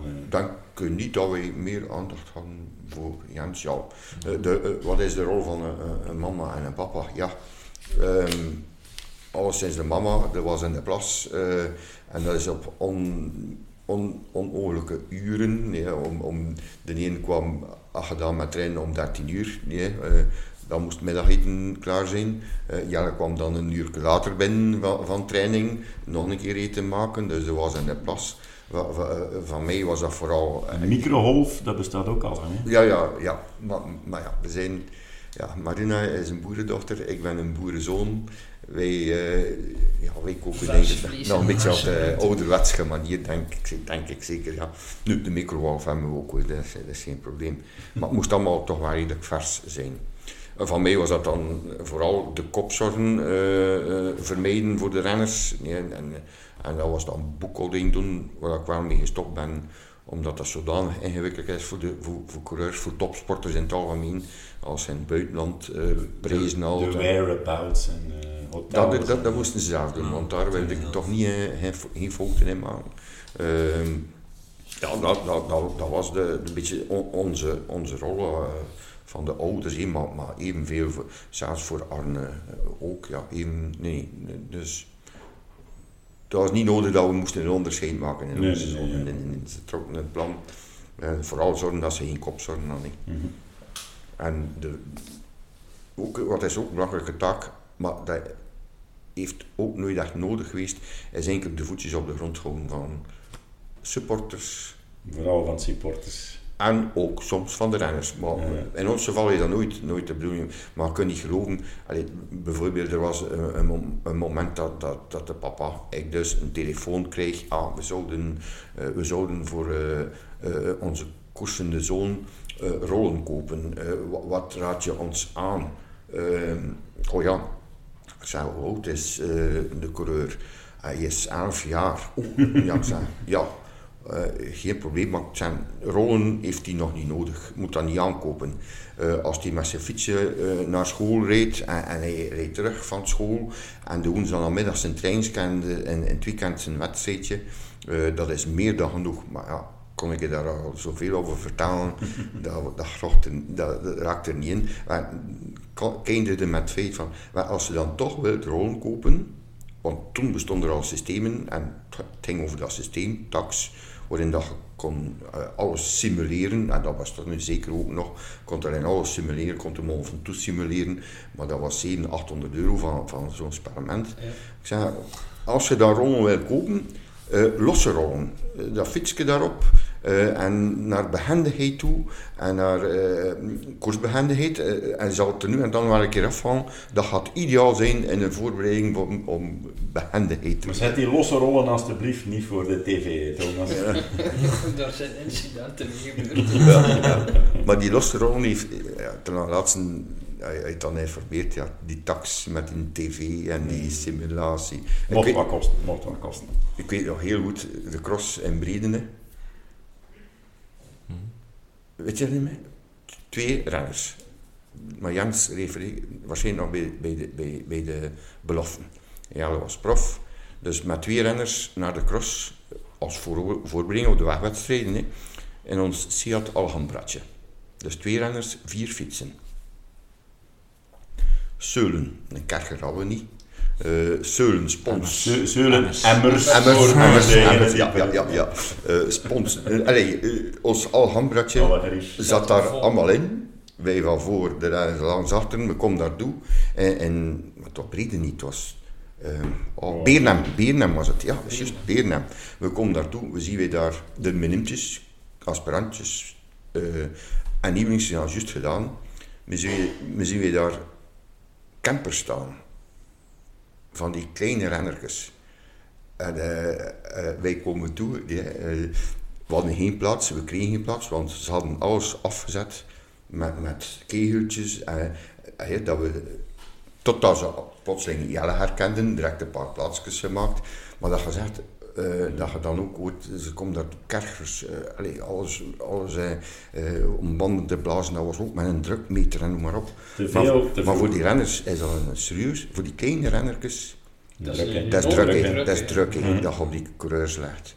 Bij dat je dan zegt, hé, Jelle, kost je nog, nog een beetje met je stalen fiets, je even zeer rijden, of dat een, eh, allee, ik zeg maar tot de tijden van Ja, mijn ja. broer. Maar, maar in in de begin druk, gaat, eh, gaat ze het verschil niet maken met de fiets. druk eh, de, eraf houden Hm. is zo belangrijk. Is zo belangrijk.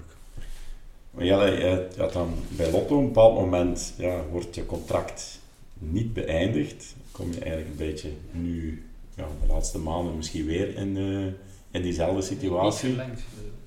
Eh, ja, ik had het wellicht verkeerd gezegd.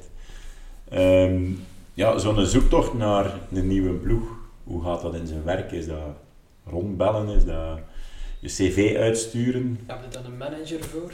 Ik ken een manager, eh Jeff van Bos is dat voor mij. Ehm heeft altijd eh, goed gewerkt voor mij, eh, maar de laatste jaren vonden we wel dat de leeftijd een grote rol speelde. En dan heb ik er zelf ook nog alles aan gedaan, de laatste maanden, eigenlijk eh, mijn connecties gaan aanspreken. Ook nu, dit jaar. Ja, Ja. dit jaar bedoel Ja. ik dan. Eh, bijvoorbeeld Nicolas Maas bij Lotto. Ja. Eh, ik zie ook dat Lotto een mooie evolutie maakt. eh. dus eh, dacht ik van misschien kan ik nog twee jaar eigenlijk daar eh jeugdrenners ervaring meegeven en zo verder. Maar dat was allemaal niet het geval. Pieter van Spijbroek bij Want die heb ik ook gecontacteerd. Dus eh, ik voelde dat dit jaar echt niet, niet mogelijk was. En daardoor heb ik eigenlijk eh, dan dat punt erachter gezet. eh. Mhm. Maar inderdaad, ik werkte samen met chef van den Bos, ook Mhm. manager van Wout van Aert. Ja, en dat is dan de persoon die dan links en rechts gaat polsen. Ja. Wat is er mogelijk? Is er nog een plekje? Ja, maar Ja. dat heb ik eigenlijk wel zo lang mogelijk eh, proberen te vermijden om te werken met een manager. Ehm, maar dat is eigenlijk begonnen, ja, eerst was Nonkel met een manager. Die ging eh, gaan spreken met Walter Plankart van Topsport en zo verder. Dan is die gestorven. En dan hebben we even zonder gewerkt. Ja, nee, wel, dat is ook zoiets, een, een manager, ja. Dus eh, een onkel, trainer, kinesist, verzorger, mental coach, eh, maar ook die had zijn connecties als topsportcoördinator. Die, die, die, die kon, allee, er gingen deuren open voor hem. Een onkel komt te sterven, ah, de papa gaat dat overnemen. Geen kopzorgen voor, je, voor de renners, mogen geen kopzorgen. De papa gaat dat overnemen. Ja. Maar dat lukt niet. Hè. Je moet echt wel in dat milieutje Die zitten. Je moet die connecties hebben, want je geraakt niets meer binnen. Dat was bij BMC dat de deur open stond. Ik weet nog heel goed, 2013, 2014 ben je dwars door Vlaanderen. Eh, iedereen zei, ah, je is weg naar een World Tour ploeg. Nee, papa was aan het proberen, maar ik raakte niet vers binnen. En dat is de reden geweest dat, dat dat nog een jaar niet te lang geduurd heeft, want in 2015 heeft hij Parijs Tours gewonnen. Zat hij bij Lotto Soudal, denk ik niet dat er nog een Parijs Tours zou aankomen. Ik weet het niet, we weten dat niet. Maar het is misschien zijn geluk geweest dat het nog een jaartje langer duurde, omdat er nog een heel mooie overwinning, een paar overwinningen zijn bijgekomen. Maar zonder manager, hm, Ja, gaat niet. eh, dat gaat niet. Ik heb dat heel goed ondervonden. Ja. Maar inderdaad, ja, zo'n koers in de winnen vanuit Topsport Vlaanderen. Ja, deze periode gebeurt dat ook niet meer. Al die goeie zitten al ergens gestald. Hè. Nee, we zijn eh, in een ander tijdperk. Hè. Dus Eh, zo'n beetje de laatste generatie Ja, die bij, bij Topsport Vlaanderen nog echt wel mooie resultaten Dat soort halen. koersen gewonnen werd. Ja. Ja, nu wordt er echt meer gekeken van, ah, Mhm. die kan zoveel wattage rijden en zo lang. We Mhm. gaan die nou Mhm. aanvaren. En denk ook wel dat je nu nog meer geluk moet hebben. Mhm. Allee, niet geluk, hè. je moet ook sterk zijn natuurlijk. ja, hè, ja. Maar allee, als je in het oog springt van een ploeg en ze zien die waardes zijn goed, of tot zelfs uitermate goed, ah ja, we gaan hem erbij nemen. Maar ik ben er ook van overtuigd dat er heel veel renners, dat de waardes niet gezien worden en dat ze Mhm. uit, uit de boot vallen. Hè. Mhm. Dat, dat, eh, Mhm. ja, dat is nu een evolutie in het wielrennen eh, die er is. En ook eh, de basis wordt veel breder. Meer landen, meer rennertjes. Ja, dat wordt internationaler, internationaler. Ja. En men heeft al vroeg eh, van alles gespot. En men denkt dan vijf jonge gasten een contract te geven, waarvan dat er dan misschien twee Ja. is het geval. En dan is er voor een wegkapitein dan eigenlijk geen... geen maar ja, budgetair, ja. Mhm. Eh, ik ga daar ook eerlijk in zijn. Eh, mentaal is het zo lastig geworden in het wielrennen, dat ik ook niet meer aan het minimum, eh, Ja. met mijn palmares niet meer wou aan het minimum rijden. Daar heb je wel echt gelijk. wel, maar ja, het was sowieso een moeilijke keuze, omdat ik nog graag verder Tuurlijk, dan. tuurlijk. Maar, eh, Maar eh, je gaat het, sport, het sporten niet vaarwel zeggen, want je hebt de Nee. grootste plannen, hebben we begrepen. Ja, klopt. eh, het was dus de eerste knoop doorhakken en dan begint het. hè. 20 jaar gefietst, wat gaan we nu doen?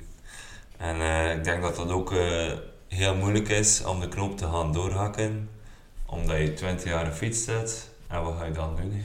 Was de keuze eigenlijk rap gemaakt om te zeggen, ik fiets maar op een ander niveau, of ik doe iets anders van, van, van sport die ik, die ik wil ontdekken?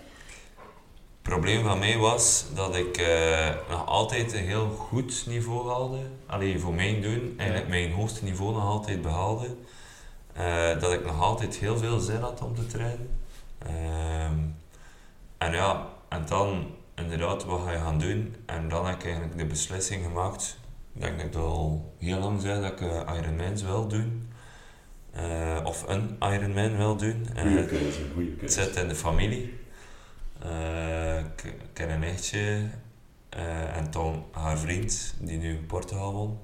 Ironman in de age group. Eh, dus ehm, En ik heb ook altijd tegen hen gezegd, ooit doe ik het ook. En nu met mijn basis vind ik dat ik zeker ervoor moet gaan, eh, volgend jaar dan. Maar ik heb dan gevraagd aan Frederik van eh, hoe zie, zie jij mijn programma? We hebben eerst samen gezeten. En zegt hij, ja, wat zijn goed in en wat zijn, ja, wat zijn je mindere punten? Ik zei, ja, sowieso ben ik een duursporter. Uh, lange ontsnapping, constant tempo, dat is iets wat aan me ligt.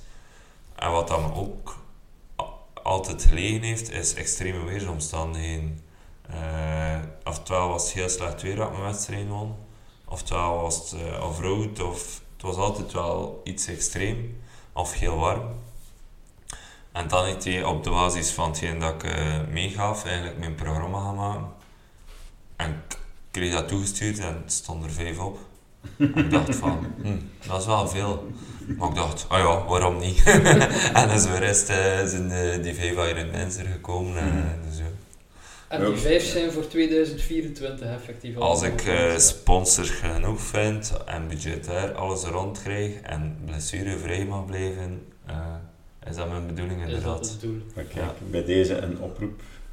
Als er materiaal of financiële steun... Ja, ja. Sowieso... Um, ik heb ook onmiddellijk iemand voor mijn marketing aangesproken, omdat ik als individuele sponsors, mijn sponsors, wil in de kijker zetten. En ik denk dat dat nu ook uh, met social media ja, een van de grootste dingen is die, uh, mm -hmm. die moet gebeuren. Mm -hmm. Dus uh, vanaf 1 januari ben ik individueel sporter en ben ik vrij voor, kan ik mijn eigen planning gaan maken. En dat is mhm. de nieuwe uitdaging.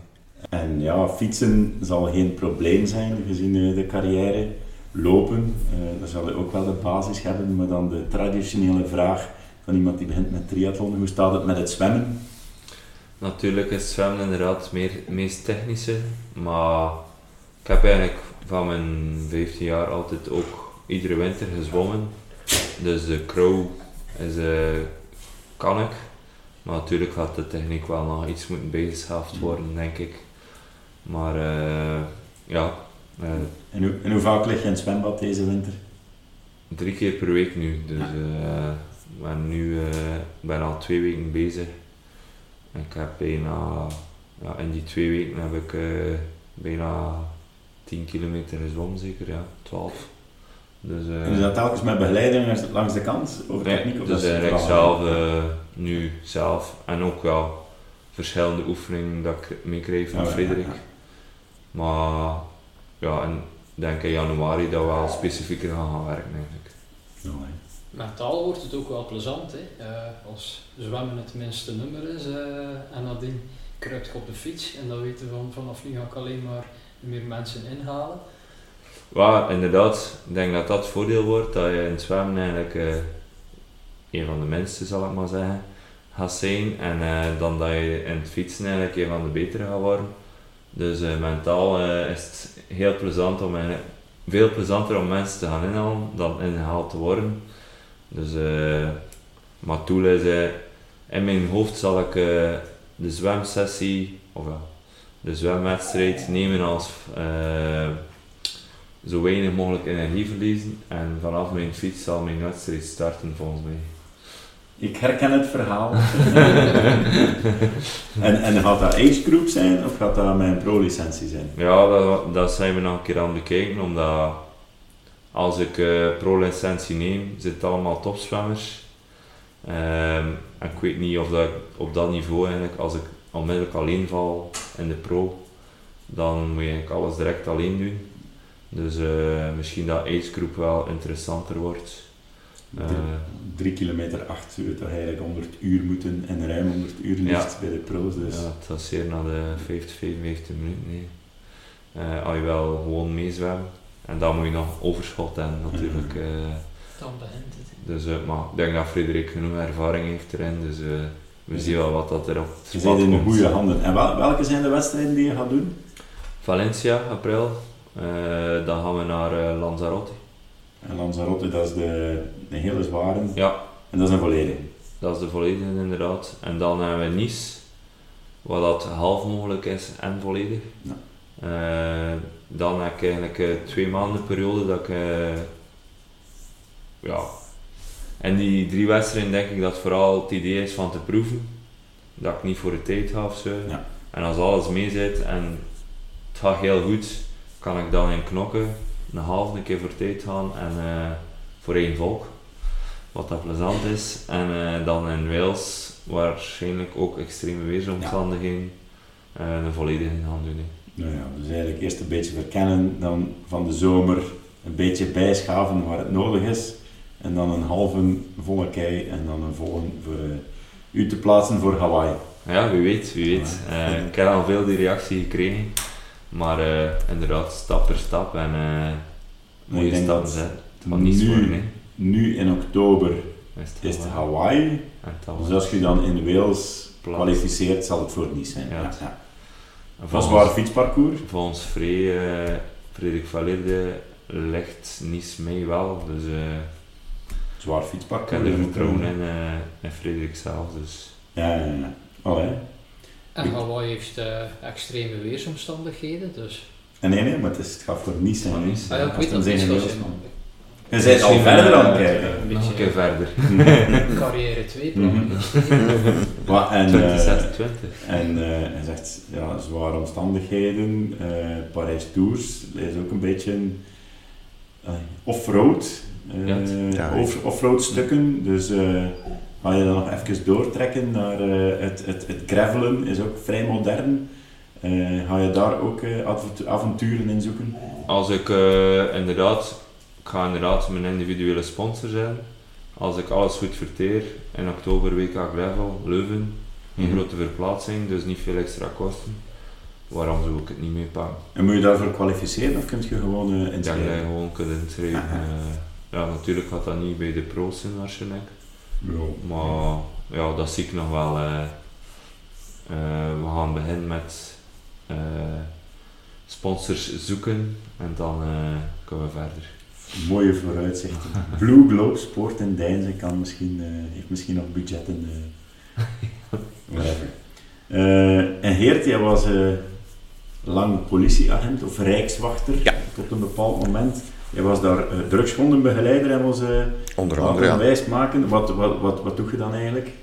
En dat, dat, dat is het leuke aan onze job. Rijkswachter, nu politie, met hervormingen. En, eh, was ik werkzaam in de politiezone Rigo.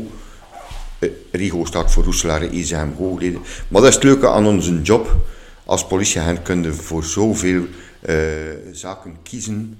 Je kunt federaal gaan, je kunt lokaal gaan, je kunt, kunt zelfs met een helikopter vliegen als je wilt. En onder andere ook drugontgeleider. Uh, maar dus, mijn carrière is eigenlijk gestart ja, door mijn broer. Mijn carrière is gestart door mijn broer. Die, moest, die wilde prof of had een profcontract, maar toen was er nog verplichte legerdienst. En dat ging natuurlijk een verloren jaar zijn. Hij was de oudste, dus hij moest naar het leger. Dus we waren op zoek achter een manier om van de legerdienst af te geraken. En onder andere een broederdienst. Een broederdienst, dat is een broer die dienst doet in het leger, maar dan als beroepsmilitair. Ja. Uh, dan was, werd hij vrijgesteld van de verplichte legerdienst. Uh, soldaat zijn zag ik niet zitten, maar door, een, door bepaalde omstandigheden uh, ben ik in contact gekomen met de Rijkswacht. Uh, niet als verdachte, maar gewoon door bepaalde omstandigheden. En dat was een job die, mij eigenlijk wel, uh, die ik wel zag zitten. En zo werd ik Rijkswachter. Ik ging dat maar een paar jaar doen, want mijn hart lag in de boerenstil. Um, en, maar, maar ja, ik ben blijven plakken. En um, ik mocht nooit van thuis een hond hebben. Dan heb ik mijn vader misleid met te zeggen: Ja, papa, ik ben een rijkswachter. En ze hebben mij wel ingedeeld in de hondenbrigade, zeker. dat was dus totaal geen waar. Maar zo heb ik mijn eerste hond kunnen aankopen. Liegen tegen uw vader. Ja, ja, ja. ja. Mijn leugentje om best wel. Mag dat? De feiten zijn verjaard. Toen was dat eigenlijk Ook al. En uh, ja, zo kreeg ik mijn eerste, mijn eerste hond. Dat was een Duitse scheper. En uh, geleidelijk aan ben ik overgestapt naar een specialisatie. Dus terugontgeleider. Waarom? Omdat, omdat, omdat dat ook uh, iets is dat je constant mee werkt. Dus als, als, als zijn je constant bezig met, met, met, de, met de hondjes. Nee. Ehm, bij wak- en verdedigingshondgeleider is dat maar eenmalig. Dus dat was niet alleen mijn job. Maar als rondgeleider was dat mijn enige job. En ja, het zegt zelf. Dus eh, dat hondje werd opgeleid om drugs op te sporen. En ging, ging je dan mee? Als er zoektochten waren ook? Of was gewoon... Ah ja, dat was mijn, mijn hond. Ik was de begeleider. Ja, dat was zowel dus in training als in... Uh... Ja, ja, ja, ja, toch wel. Ja, ja. Ja, ja, het is best als zo'n drugshond ook maar naar één iemand luistert, Steven. Ja, ja ik ken, dan, ken die meisjes nog, die honden nog nooit gezien.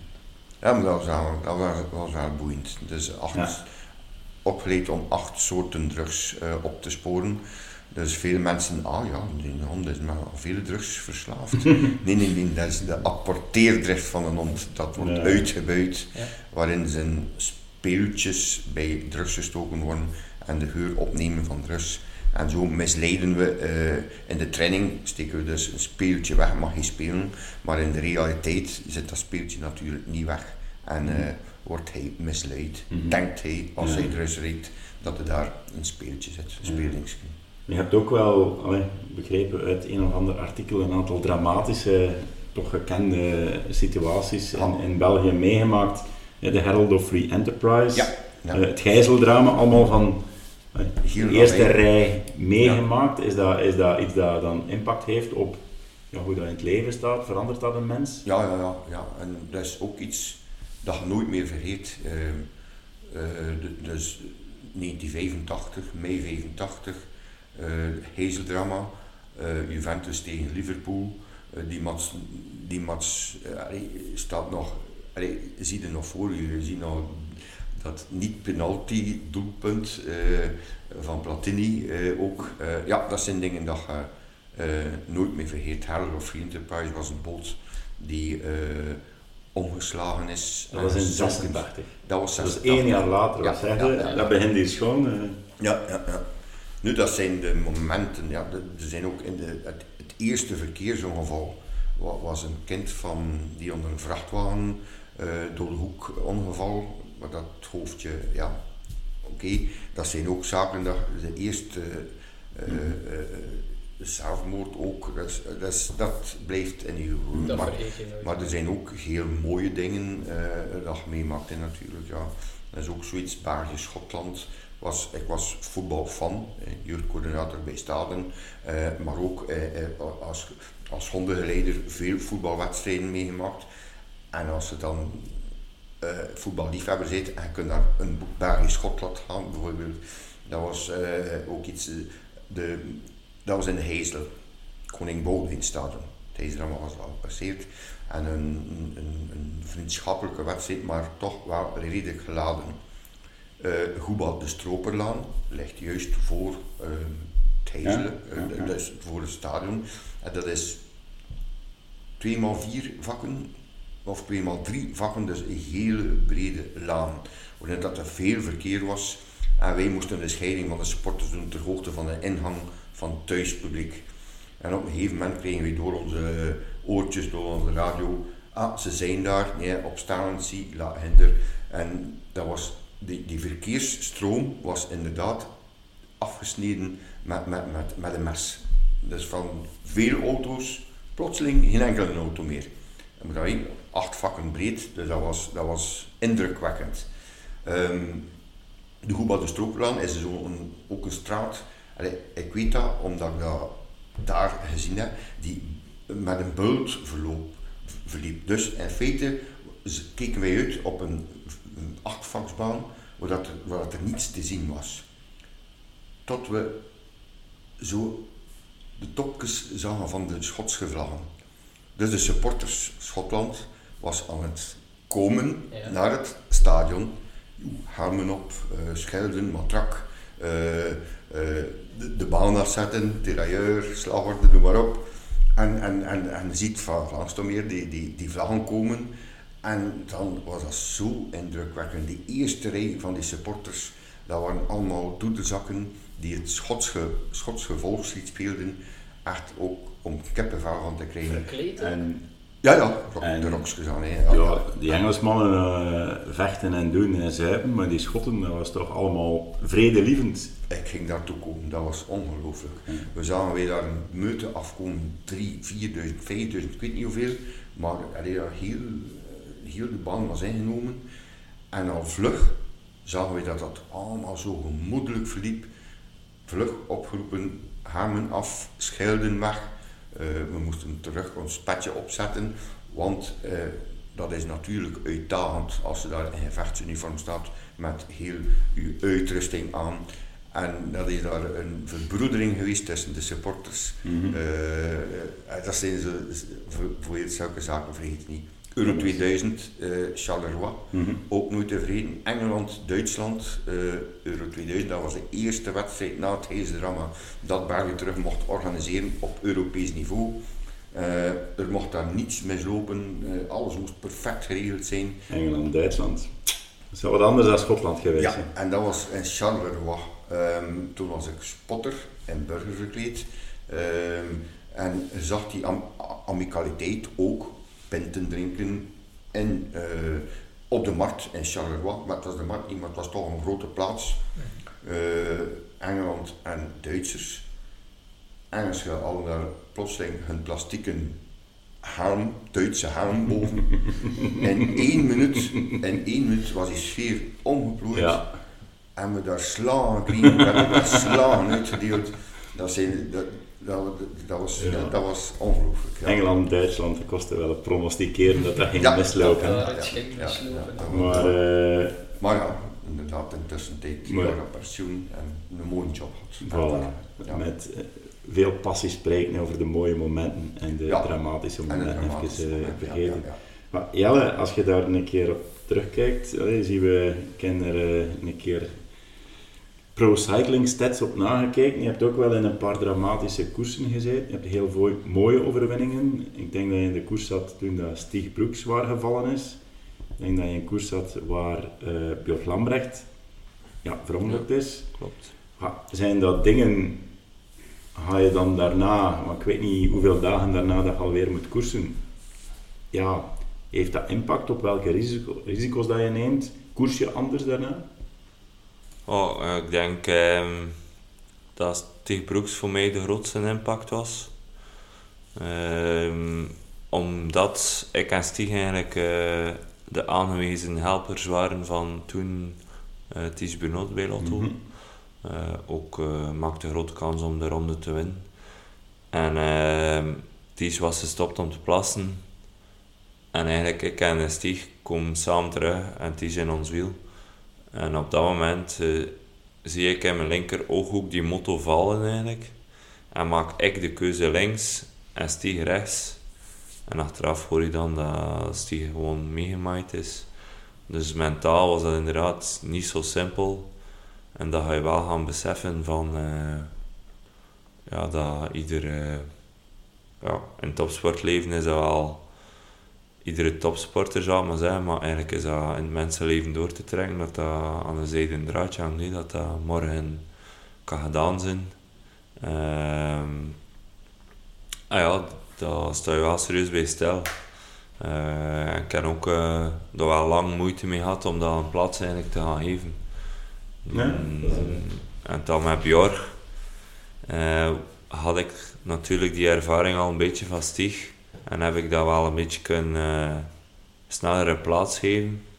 Maar ehm, dat was... eh, ja, dat waren eh, twee moeilijke gevallen eigenlijk om te verwerken. Maar zo ga je wel, word je wel gekneed in je leven. Mhm. En ik ben wel iemand die snel leert en dat ook wel in mijn levenswijsheid meeneemt naar later toe.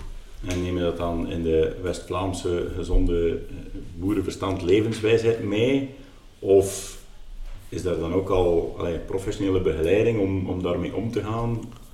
Ja, sowieso heb ik ook eh, professioneel begeleiding gevolgd, maar ja, op dat vlak ben ik ook wel redelijk hard. Maar of, ja, ik weet niet of dat ik dat hard moet noemen, maar eh, ja, ik geef dat redelijk snel een plaats. Ehm, ja, ik weet niet wat dat komt, maar ik denk dat dat ook wel met mijn onkel te maken heeft. Ja, ben hem, we gaan twee weken ervoor op stage. Mijn onkel is topfit. Ja, we weten dat hij kanker heeft en chemo. Komt topfit fit thuis. Drie dagen later hoor je, je ligt in het ziekenhuis. En nog twee dagen later kon hij niet meer spreken en Mhm. waren we hem kwijt.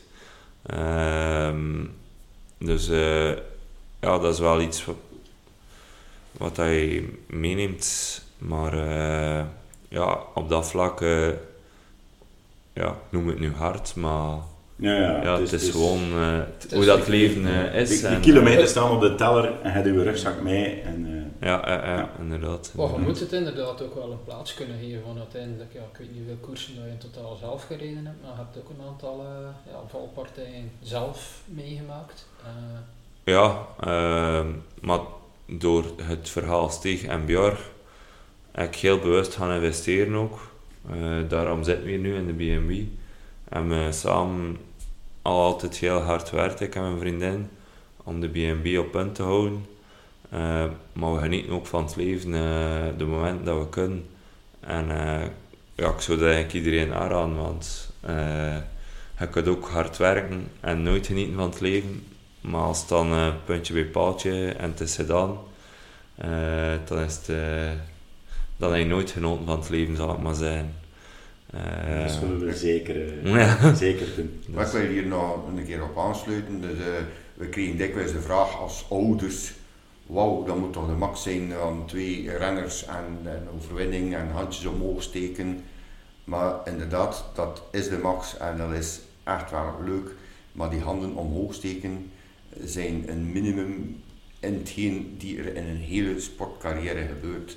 En als je als ouder je zoon ziet vallen of een smare, zware smak maken, of we krijgen een telefoon, eh, ja, hij is afgevoerd naar het ziekenhuis, eh, of mijn broer bijvoorbeeld ook in Chili, was hij niet terug mee met, met zijn ploegmaat. Allee, als ouder ehm, is dat ook hard. En kom je daar hard van? Nee.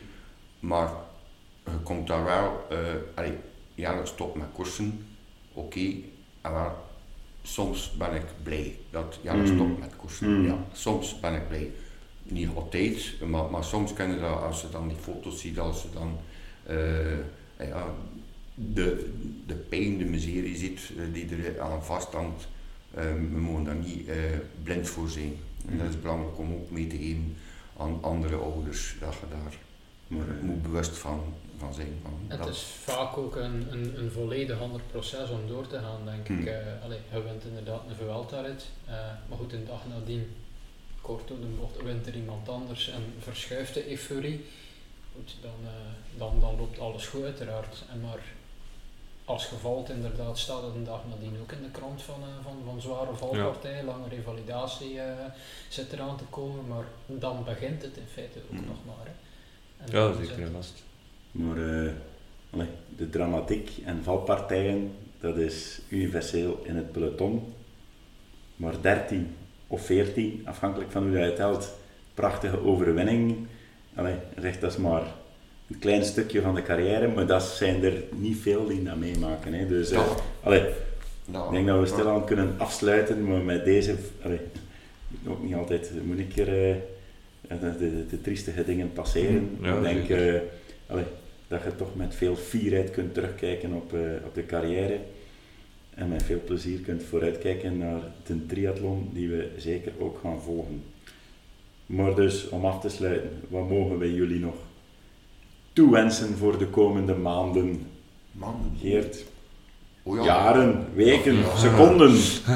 Oh, ja, het, het normaal, allee, veel gezondheid en, en veel plezier. En in mijn situatie veel Kasperplezier. Dat is onze enigste klein, Klein. voorlopig enige kleinzoon. We hopen dat er nog komt. Eh, dat is ook eh, iets wat een grootouder, Pepe, me mee, eh, helemaal doet veranderen. Eens dat die, een, die kleinzoon, kleindochter, in ons geval zoon, er komt. Dus, maar vooral veel gezondheid. En op vlak van de, de, de, de zonen, Arne, eh Jelle, Jens, wij zitten er eigenlijk maar niets in, want we weten, de, we kennen hun waarden en normen, dus we weten dat het allemaal goed komt. Dat ben ik zeker. Voilà. En Jelle? Voor mij, ehm, Ja, ik denk uh, als ik de komende twee jaar erin kan slagen om eigenlijk uh, de Ironmans te doen en dan in 2025 nog niet vermeld. Maar graag zou ik uh, zo mijn carrière afsluiten voor het goede doel eigenlijk Europa gaan rondfietsen in 100 dagen. Voor kom op tegen kanker. Waarom? Non-geluk gestorven aan kom op tegen kan aan kanker. En nu is mijn wielercarrière in mijn ogen heb ik nooit afscheid genomen van het wielrennen. En zo zou ik graag mijn topsportcarrière finishen om dat te doen voor Kom op tegen kanker. Mm -hmm. En voor mijn onkel, doordat ik eigenlijk al die mooie beleving door hem en natuurlijk uh, vrienden en familie rond, om me heen, uh, zou ik eh, heel trots zijn dat ik zo alles kan afsluiten. En ja, zal ik maar zeggen, dan een definitief nieuw leven te beginnen. dus dat is nu mijn doel. En ja. Ik hoop dat dat, dat lukt.